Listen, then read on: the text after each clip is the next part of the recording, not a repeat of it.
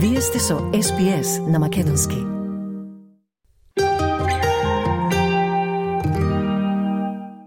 Прајминистерот ги прогласи австралијците на годината за 2024 на церемонија во Националниот арборетум во Камбера. Господин Албанези вели дека Денот на Австралија е значаен ден за размислување за сите австралици, додавајќи дека Националниот ден е нашата шанса да направиме многу повеќе отколку едноставно да ги броиме нашите благослови, подеми и падови на нашата историја. Предизвиците со кои се соочуваме заедно, можностите што ги искористуваме заедно, тестовите што ги поминуваме заедно и заедно гледаме кон иднината. Our National Day is our chance to do so much more than simply count our blessings. We pause to reflect on everything that we have achieved as a nation, as a people. All that we have created and built and learned through all the ups and downs of our history. The challenges we have faced together the opportunities we have seized together, the tests that we have passed together. And it is together that we look to the future. Професорката Джорджина Лонг и професорот Ричард Сколиер беа прогласени за Австралијанец на годината за 2024 Заедно тие спасија илјадници животи преку нивниот пристап за имунотерапија за лекување на меланомот.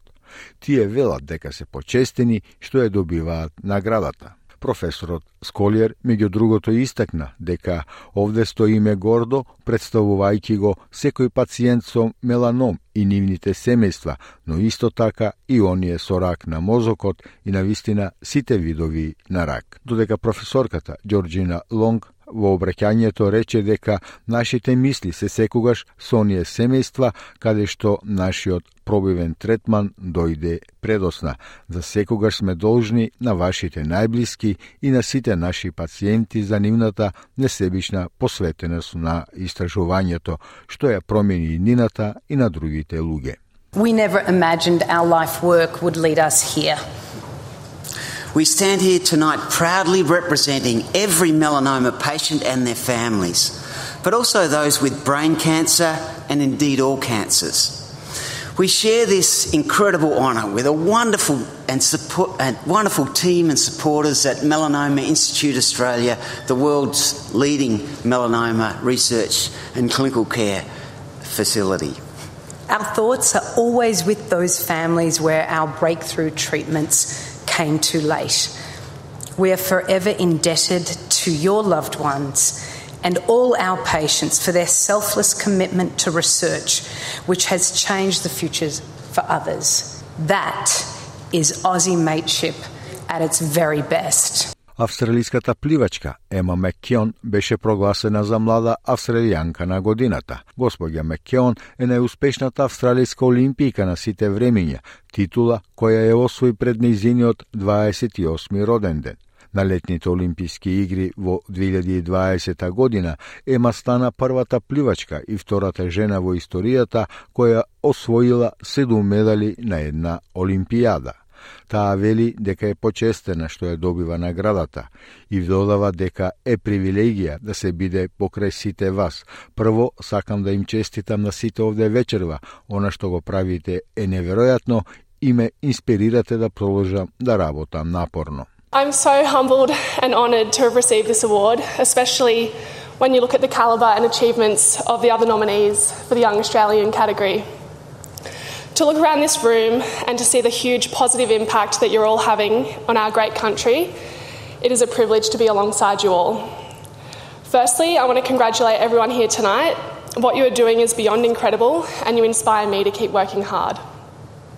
I'm a very proud Australian and honoured to be recognised by my country, and thankful for everyone who has supported me throughout my swimming career so far. Постар австралиец на годината за 2024 е учителка, лингвист и водач на заедницата Јалмај Јунупиу. Како учителка и лингвист, таа водеше настава во двојазичното училиште Иракала 4 децении, а се пензионираше во март 2023 година. Господја Јунупиу вели дека корист од незината заедница секогаш била во првите редови на незината работа и додава дека како млада била љубопитна да знае каде ќе ја однесе образованието, била инспирирана од наставниците и незините водачи. Education in Yirkala Mining School has always been my passion and my most treasured accomplishment in life, beside my family and community. As a young woman, I was curious to know where education would take me. I was inspired by teachers and, and my leaders. But all those years, I never expected that I was going to become a teacher linguist. I worked at Yirkala Bilingual School, teaching younger children for over 40 years. Through this, I became a teacher specialist in both worlds to benefit my people and community. Дейвид Елиот е прогласен за австралијски локален херој за 2024 година. Откривањето на господин Елиот на фосил од диносаурус за време на рутинско собирање овци во 1999 година предизвика палеонтолозите да се соберат во крајбрежјето на Квинсланд, што го прави сега познато место за диносауруси. Господин Елиот продолжи да го основа Австралискиот музеј за природна историја на ерата на диносаурусите на имотот како непрофитна добротворна организација во 2002 година. Тој вели дека ќе продолжи да се бори за своите амбиции и дека изградбата на музеј била негова постојана страст повеќе од 20 години, но не е секогаш лесен пат за следење. Тој вели дека имаше некои нерамни делови, понекогаш воопшто немаше патека, но тој научил едно нешто – кога сте преоптоварени, мора да верувате во себе и треба да се навраќате на вашите достигнувања и да се инспирирате. Можете да направите разлика, но потребно е само време.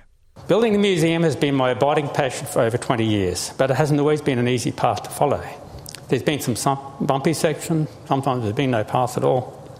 But I've learned one thing. When you're overwhelmed, you have to believe in yourself. And you have to look back on your achievements and be inspired. You can make a difference, it just takes time. A great museum is like a journey that has no final destination, an evolving thing moulded and shaped by traditions, integrity, and the dedication of countless people over countless generations. And therein lies my love for the Australian Nature Dinosaurs Museum of Natural History. We can build it. We will build it. It's just a part of the journey.